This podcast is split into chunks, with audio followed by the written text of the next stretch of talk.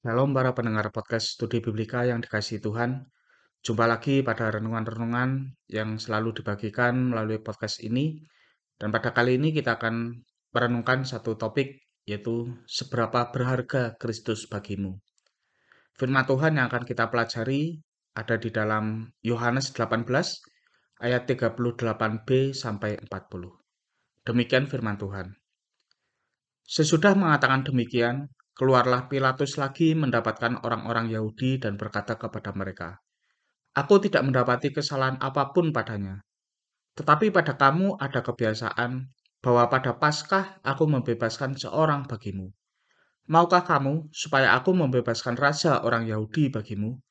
Mereka berteriak pula, Jangan dia, melainkan Barabas. Barabas adalah seorang penyamun. Amin. Suatu kali di siang yang terik, seorang anak kecil yang baru berumur tiga tahun ditawari hadiah oleh ayahnya. Si ayah menyodorkan dua benda ke hadapan anaknya itu. Di tangan kanannya ada sebatang es krim coklat yang menggiurkan. Sementara di tangan kirinya ada lima lembar uang seratus ribuan. Kira-kira anak kecil itu akan memilih yang mana? Tentu saja dia akan memilih es krim, kecuali ada pengaruh lain. Tidak ada yang salah. Bagi dia, Menikmati sebatang es krim coklat di tengah panas terik lebih masuk akal dibanding menerima uang yang sebenarnya bisa digunakan untuk membeli es krim setiap hari selama berminggu-minggu.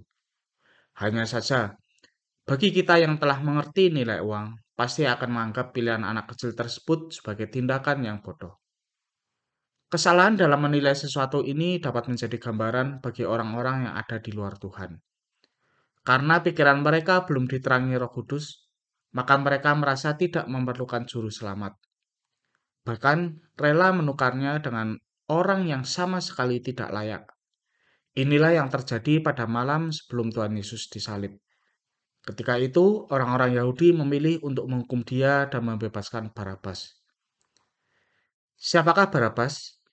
Bersama dengan beberapa orang lainnya, Barabas ditahan oleh pemerintah Roma karena melakukan pemberontakan. Bahkan mereka sampai melakukan pembunuhan.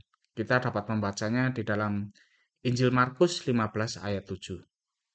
Jelas, Barabas bukan orang baik-baik. Tetapi bagi orang-orang Yahudi yang sedang dijajah oleh pemerintah Roma pada masa itu, Barabas dianggap sebagai pahlawan. Itulah yang menyebabkan orang-orang Yahudi memilihnya ketika Pilatus memberi pilihan siapa tahanan yang akan dibebaskan sebagai tradisi menjelang Paskah, Yesus atau Barabas. Sungguh ironis.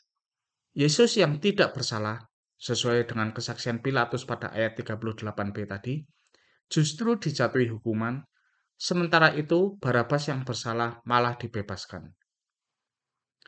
Namun bukankah hal ini sudah dinyatakan sejak permulaan Injil Yohanes?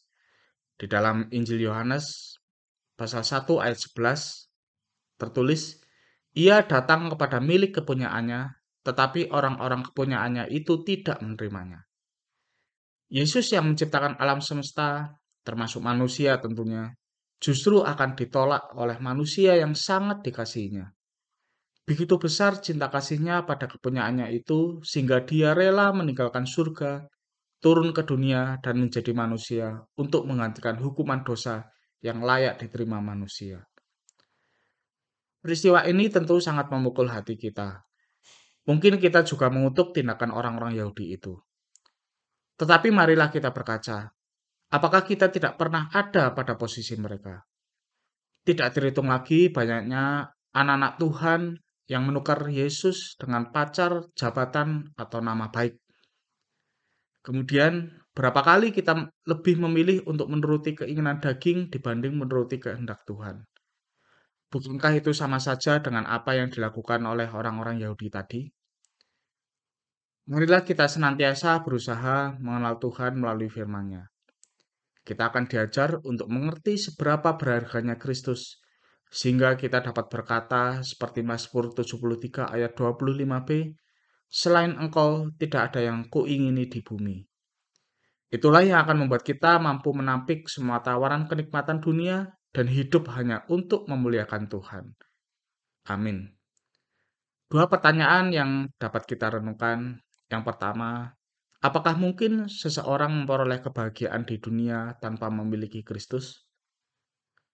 Yang kedua, bagaimana pendapat Anda jika ada orang yang menomorduakan keluarga atau urusan sehari-hari demi mengutamakan pelayanan? Silakan jabarkan jawaban Anda dan kiranya ini dapat menjadi bantuan bagi kita untuk merenungkan firman Tuhan ini dengan lebih dalam lagi. Tuhan Yesus memberkati.